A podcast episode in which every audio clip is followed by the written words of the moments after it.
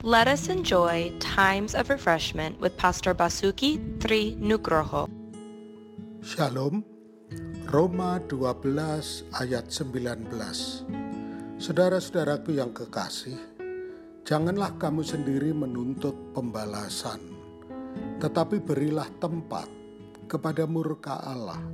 Sebab ada tertulis, pembalasan itu adalah hakku.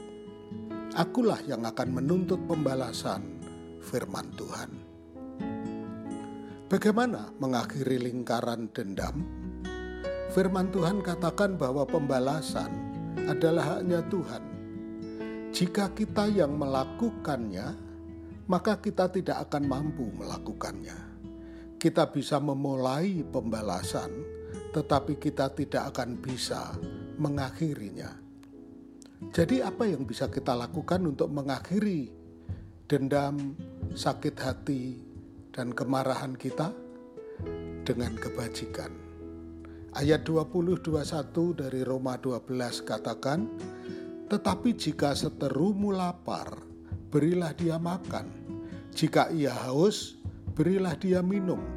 Dengan berbuat demikian, kamu akan menumpukan bara api di atas kepalanya. Janganlah kamu kalah terhadap kejahatan, tetapi kalahkanlah kejahatan dengan kebaikan. Tuhan memberkati.